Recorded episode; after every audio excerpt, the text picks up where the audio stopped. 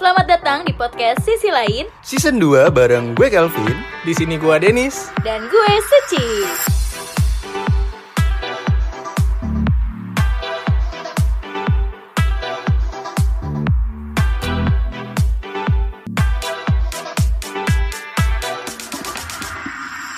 sebenarnya itu menurut gue sebuah penyakit ya karena insecure itu kan muncul dari diri kita sendiri kan mau nggak mau kita harus bisa ngelawan rasa insecure itu biar kita bisa berkembang eh, lagi dan lagi. Kalau misalnya kita tetap eh, ngerasa insecure tapi kita nggak ngelakuin apa-apa juga percuma buat apa kayak gitu kan. Terus ya udah akhirnya mau nggak mau mesti ngelawan rasa insecure itu gitu.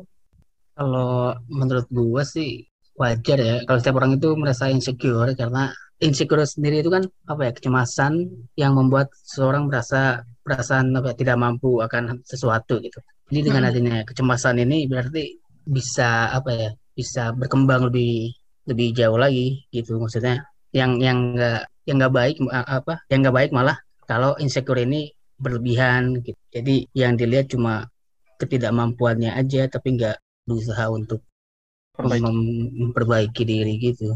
Jadi Gitu eh ibaratnya insecure tuh boleh tapi jangan sampai berlebihan justru malah nanti nggak baik gitu ya. Iya betul. Kalau Nat gimana? Oh iya iya. Gimana Sinta? Udah sih udah. lebih jadi lebih jadi ke tolak ukur sih maksud gue kayak insecure ya udah lu jadiin tolak ukur diri lu sendiri buat m- mereka bisa gitu lu juga tidak menutup kemungkinan kalau lu juga bisa kayak mereka yang kayak gitu sih kalau pandangan gue ya Oke. Ya iya sih.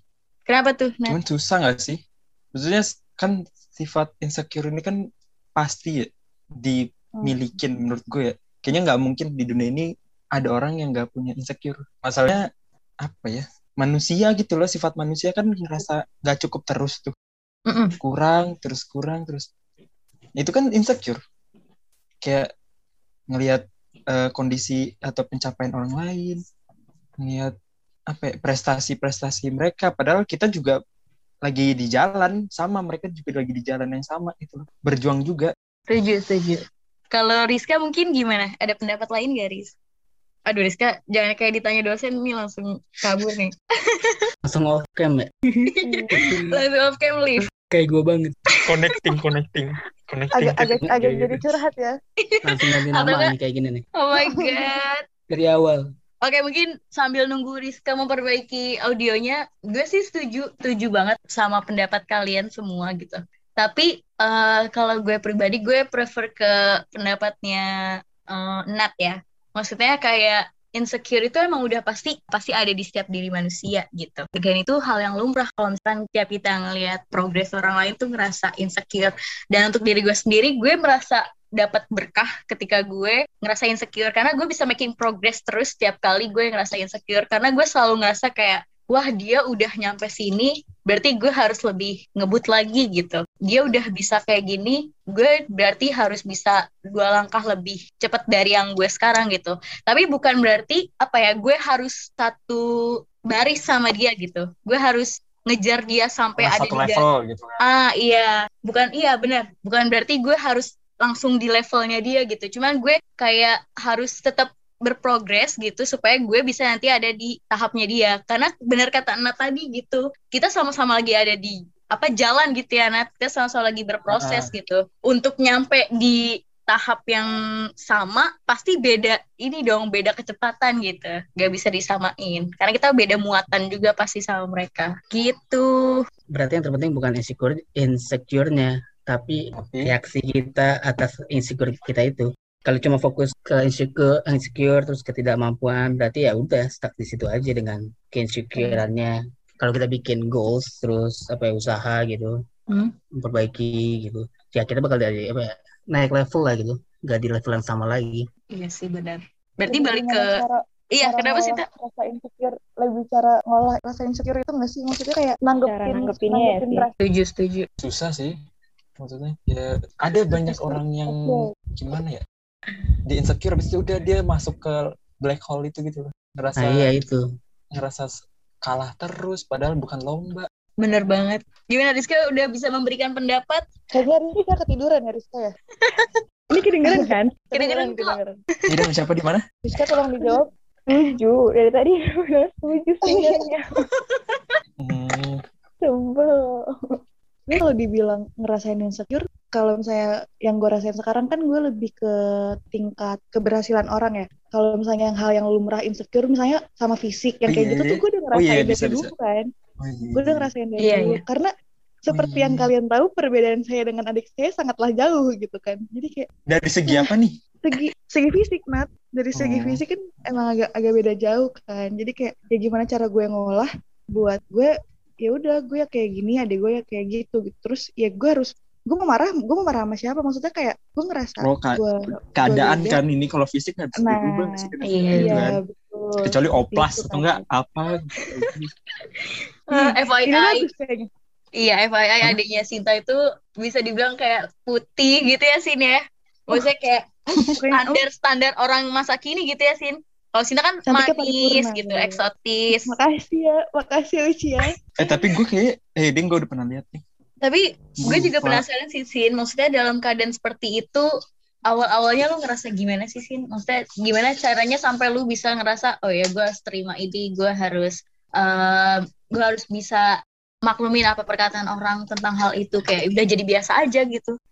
sebenarnya eh, cara gue Hmm. survive ya gue harus bersyukur apa yang gue punya gitu kan. Misalnya kayak eh, itu kan datang dari orang-orang terdekat gue even kayak keluarga gue pun keluarga terdekat gue pun pasti sering banget nge-compare kayak eh eh, gue sering banget dibilang kayak gue nggak ngerawat diri gue padahal ya udah gue emang kayak gini adanya gitu.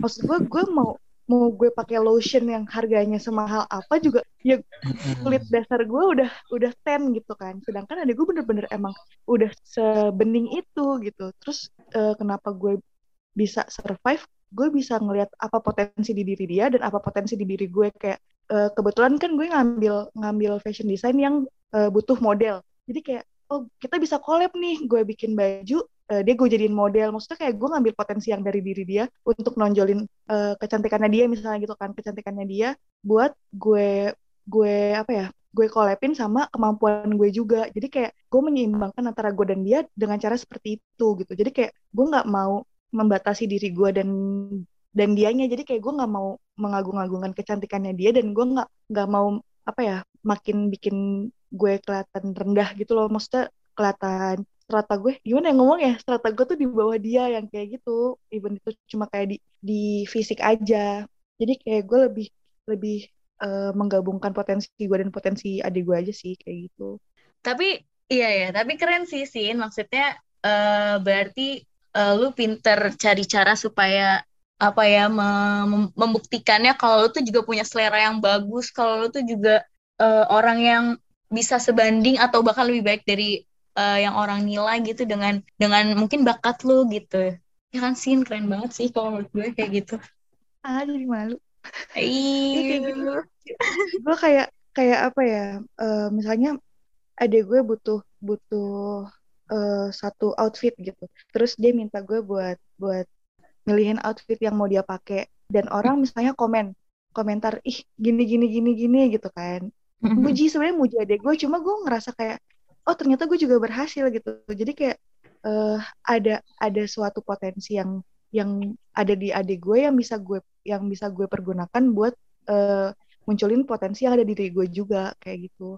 Terus gue juga kayak mikir apa yang dibilang sama orang doa terbaik buat gue kayak misalnya kan gue bener-bener plek sama bokap gue kan.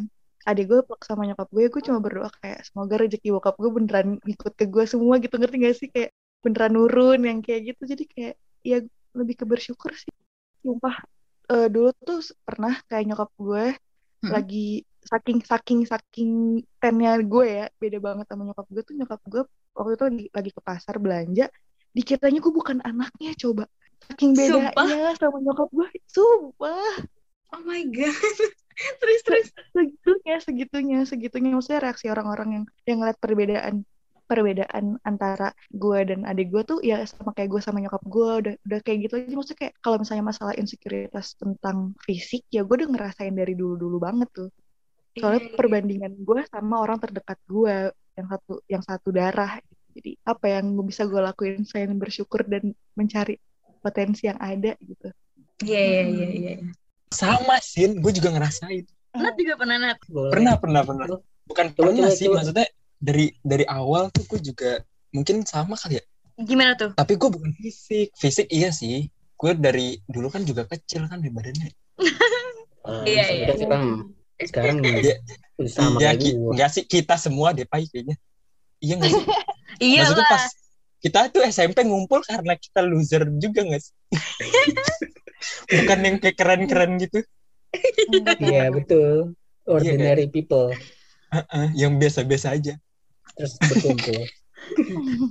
Karena kalau gue hits, gue nggak akan temenan sama kalian gak sih? Wih deh. Enggak karena karena lo gitu ngerangkul kita semua, Ci. Tuh. Iya, Oke, gitu. tadi gimana tuh Nat tuh ceritanya? Oh iya, iya, gue ya. Kalau kalau cinta kan tadi fisik, gue gak usah bahas fisik deh. Gue ngebahas intelligent, Wih, pinter. berat tuh Nat. Gue itu anak kedua, cowok satu-satunya. Mm-mm. Jadi kakak adik gue tuh cewek dan mereka tuh pinter-pinter banget. Gue tuh yang kayak anjir. Eh gue boleh ngomong anjir gak? Astagfirullah. Boleh, boleh, silahkan. Iya. Takutnya di beep gitu kan. Nah gue ya bukan gue ngerasa sih tapi emang gue agak di bawah pinternya daripada kakak adik gue. Hmm. Nah, nah dari situ gue sering dibanding-bandingin dulu. Sekarang sih udah enggak. Dulu tuh ya makanya gue di situ jadi rasanya jadi kayak pemalu juga. Jadi apa ya? Gak berani ngomong juga. Apa ya? Jadi ya udah jadi pendiam lah bahasanya. Karena itu gue nggak gue nggak ngerasa punya capable gitu loh. Gue nggak punya kemampuan buat ngomong karena gue nggak ngerasa pinter. Dulu gue ngerasa kayak gitu.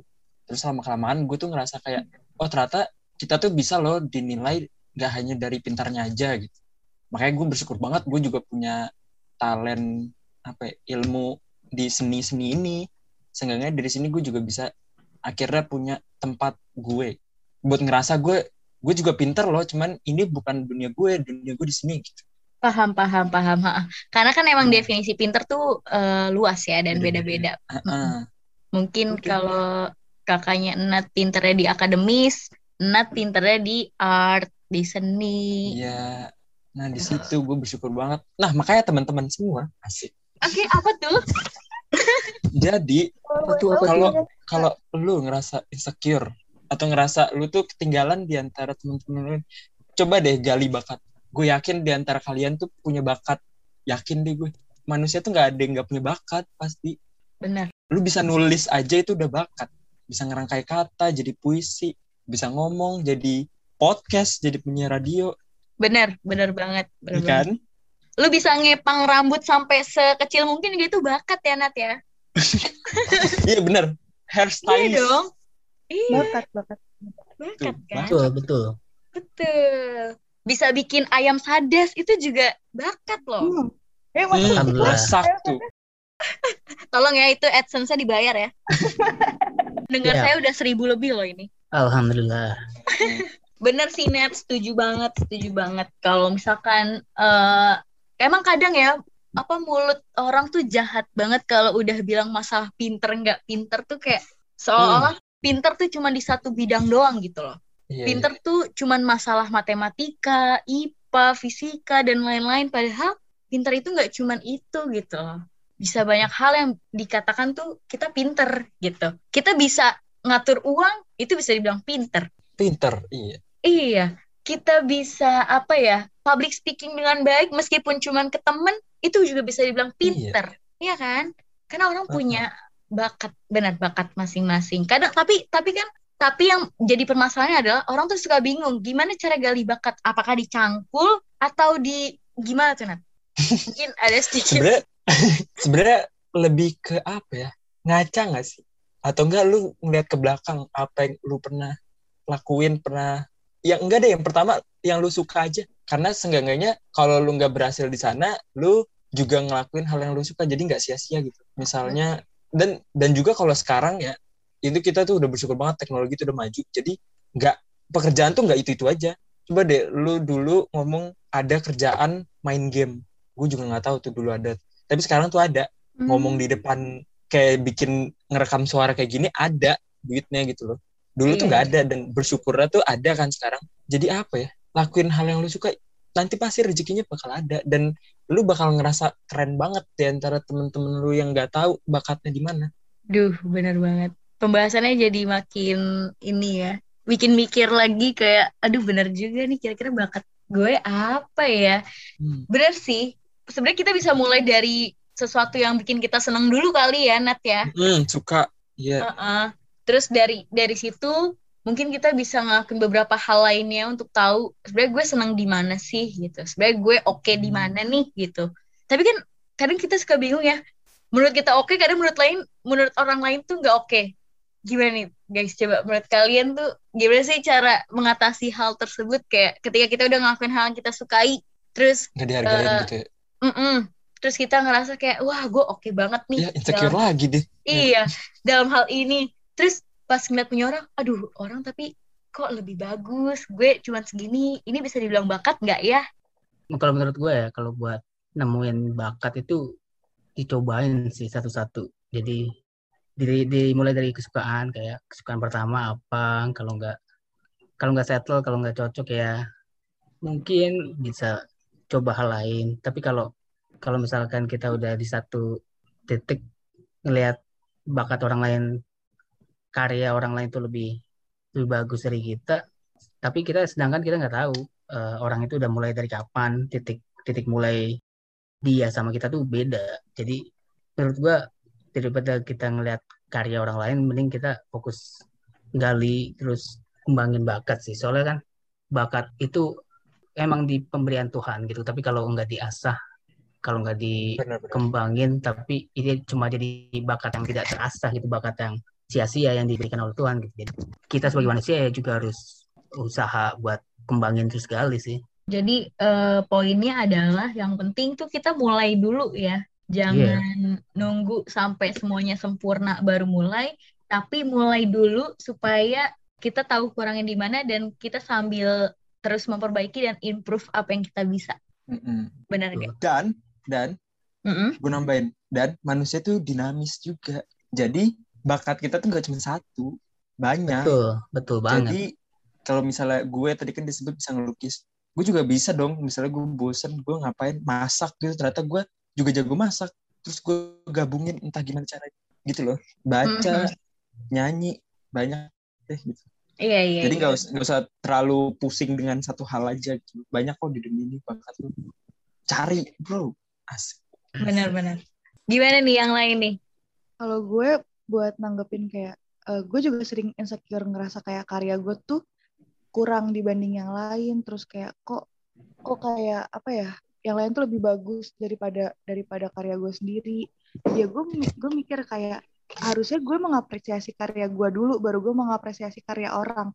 Gimana orang mau mengapre- mengapresiasi karya yang udah kita bikin bakat apa yang kita punya kalau kita aja tuh nggak bisa mengapresiasi hal itu gitu. Jadi kayak Gokil. sebisa mungkin sebisa mungkin tuh gue kayak ya sebenarnya karya yang gue bikin simpel-simpel aja gitu. Tapi gue kayak gila bagus banget yang gue bikin gila gue udah mampu membuat ini dengan dengan eh, nangis berdarah-darah gitu kan. Jadi ya gue karena yang tahu eh, proses dalam pembuatan karya itu kan kita sendiri gitu. Orang lain juga ngelihatnya mungkin simpel tapi ternyata susah gitu kan. Nah ya kita harus mengapresiasi apa yang kita telah buat kayak gitu sih kalau gue. Iya iya iya. untuk mengurangi rasa insecure itu sendiri ya. Maksudnya ya gue juga sering ngerasain itu sih apalagi teman-teman gue gila gokil-gokil banget kan karyanya gila Itu sih poinnya. Kita tuh harus apresiasi dari dalam diri sendiri dulu gitu. Karena Betul. yang bikin kita, yang tahu prosesnya kita, yang tahu susah-susahnya kita, yang tahu dari awal gimana bikinnya juga kita. Jadi yang harus apresiasi ya diri kita sendiri dulu gitu. itu sih poin-poin yang masih gue pelajarin sampai sekarang ya kadang karena karena gue ngerasa kayak eh, gue udah ngerjain capek-capek tapi ternyata eh, karya gue tuh misalnya nggak sebanding apalagi omongan dosen seperti yang kita tahu kadang-kadang susah diprediksi kan. Ya kayak gitu sih. Lebih lebih nge-manage diri sendiri aja buat eh, apa ya mengapresiasi apa yang apa yang udah dibuat aja kayak gitu. Setuju banget, setuju banget. Karena kalau dari kita sendiri aja nggak me- menikmati hasil yang udah kita kerjain, gimana orang lain gitu? Gimana kita bisa ngeyakinin orang lain kalau ini loh hasil gue dengan usaha gue gitu dari gue yang nggak tahu apa-apa sampai bisa terbentuk ini tuh ini loh hasilnya Rizka gimana Rizka? Gue dulu nih. Iya boleh Hmm. boleh boleh gimana kalau eh, Ipai dulu deh Ipai dulu ya Kalau kalau Sinta kan tadi lebih ke physical kan. Kalau si Hafiz intelligent and personality kan. Kalau gue sih kayaknya lebih insecure-nya di education and interest. hmm. Nah, mulainya tuh mulainya tuh di kuliah sih sebenarnya. Ketika gue ngelihat teman sebelah aktif organisasi, kemudian Hmm, bener tuh. teman sebelah gue lagi jago banget ngodingnya. Kan gue di kuliah jurusan teknik teknik informatika kan. Hmm. Jadi ya setiap hari ngoding, ngoding, ngoding. Ya walaupun gue cuma tahu dasarnya gitu, ya tapi tetap aja eh, kemampuan gue nggak sahabat mereka gitu. Nah nyambung sama yang Hafiz tadi bilang kalau interest kita tuh apa ya dinamis bisa berubah-ubah seiring waktu. Nah eh, di diselingi perkuliahan gue, gue juga ternyata suka juga nih sama desain dan eh, dan bisnis gitu. Jadi pelaku usaha. Terus ya apa ya? Jadi ya insecure itu bisa bisa apa teralihkan lah. Gue bisa fokus ke yang lebih lebih gue suka kayak misalnya desain. Dan pelak, eh, dibikin bisnis gitu ngembangin bisnis dari awal sampai sampai sekarang. Terus untuk menga- meng- mengatasi insecure lo di dalam edukasi apa pendidikan gitu. Kayak misalkan gue tadi kayak insecure karena gak jago ngoding ngoding amat. Gue gabungin itu dua interest gue yaitu teknik informatika itu sendiri sama desain. Nah kebetulan di di jurusan gue itu ada eh, ada bidang ilmu yang beririsan antara keduanya yaitu UI UX. Jadi UI UX itu kan membuat desain tampilan sebuah aplikasi kan. Jadi udah tuh cocok banget sama gue kan. Udah udah suka desain berkaitan juga sama teknologi. Jadi kita daripada insecure melihat codingan-codingan yang bikin yang bikin mumet gitu gue ya alihkan fokus gue ke UX ini. Jadi bisa menyelam sambil minum air lah gitu. Jadi gue di teknik informatika dapet di interest di, di in- desain juga dapet. Jadi ya begitu deh untuk mengatasi insecure gue Mm-mm, insecure karena gue ini Iya, karena kadang kalau kita udah ngerasa insecure tuh kita cuma fokus sama satu titik di mana kita ngerasa kalahnya aja gitu. Padahal kalau kita lihat sisi terangnya, eh, itu tuh lebih luas dan lebih apa ya, lebih banyak lagi gitu hal-hal yang bisa kita lakuin di luar dari titik insecure kita. Misalkan kayak yang Enat bilang kayak bakat itu nggak cuma satu. Misalkan bisa masak, eh, bisa coba untuk masak, bisa coba untuk mungkin bikin kreativitas lainnya gitu. Nggak cuman tadi di satu hal itu aja gitu. Kayak Ipai juga dia juga eh, ngerasa insecure pas teman-temannya dapat project mulu dari dosennya. Tapi dari situ dia bisa mikir kalau supaya gue nggak insecure nih gue bikin project sendiri aja gitu dengan memanfaatkan apa yang gue bisa gitu ya nggak Pai gitu kan maksudnya Pai iya betul soalnya itu cakep tuh. banyak Heeh. orang ngelihatnya tuh secara vertikal gitu. Jadi satu bakat gue bisa gak jago. Sementara eh, kita bisa lihat secara horizontal. Selain bakat ini ada bakat lain gak sih kita bisa fokusin gitu, bisa cari gitu sih. benar banget benar banget Eh, gimana Iya. yang lain nih Yang lain tuh. Jadi intinya ya setiap orang unik, benar punya uniknya Hmm, masing-masing. Ah, Dan gue sempat dikasih tahu juga sama teman gue, Eh, kayak kita itu sering banget mikir kita tuh versi terburuk di pikiran kita. Eh, kayak jadi kalau kita ngerasa kayak gitu kan pasti otomatis kita nggak berpikir kan. Kalau kita tuh sebenarnya suatu versi yang unik juga buat orang lain. Bahkan orang lain juga mau gitu eh, ada di posisi kita gitu. Karena yang kita kan yang ngerasain prosesnya juga kan.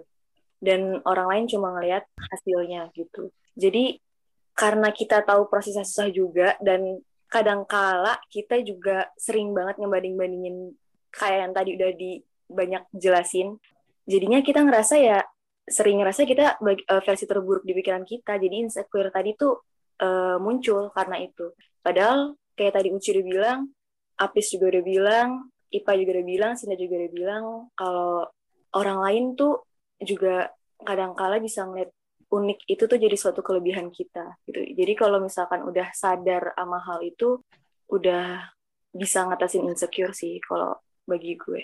Benar-benar. Aduh, aku dari tadi ngangguk-ngangguk nih membenarkan semua perkataan Rizka. Dan ini relate banget. Kadang eh, yang bikin kita jatuh tuh ya pikiran kita sendiri.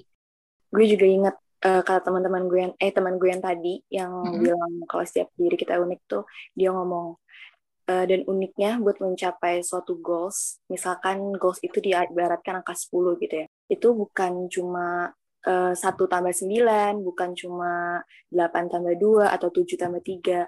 Bahkan bisa dengan minusnya. 11 kurang 1.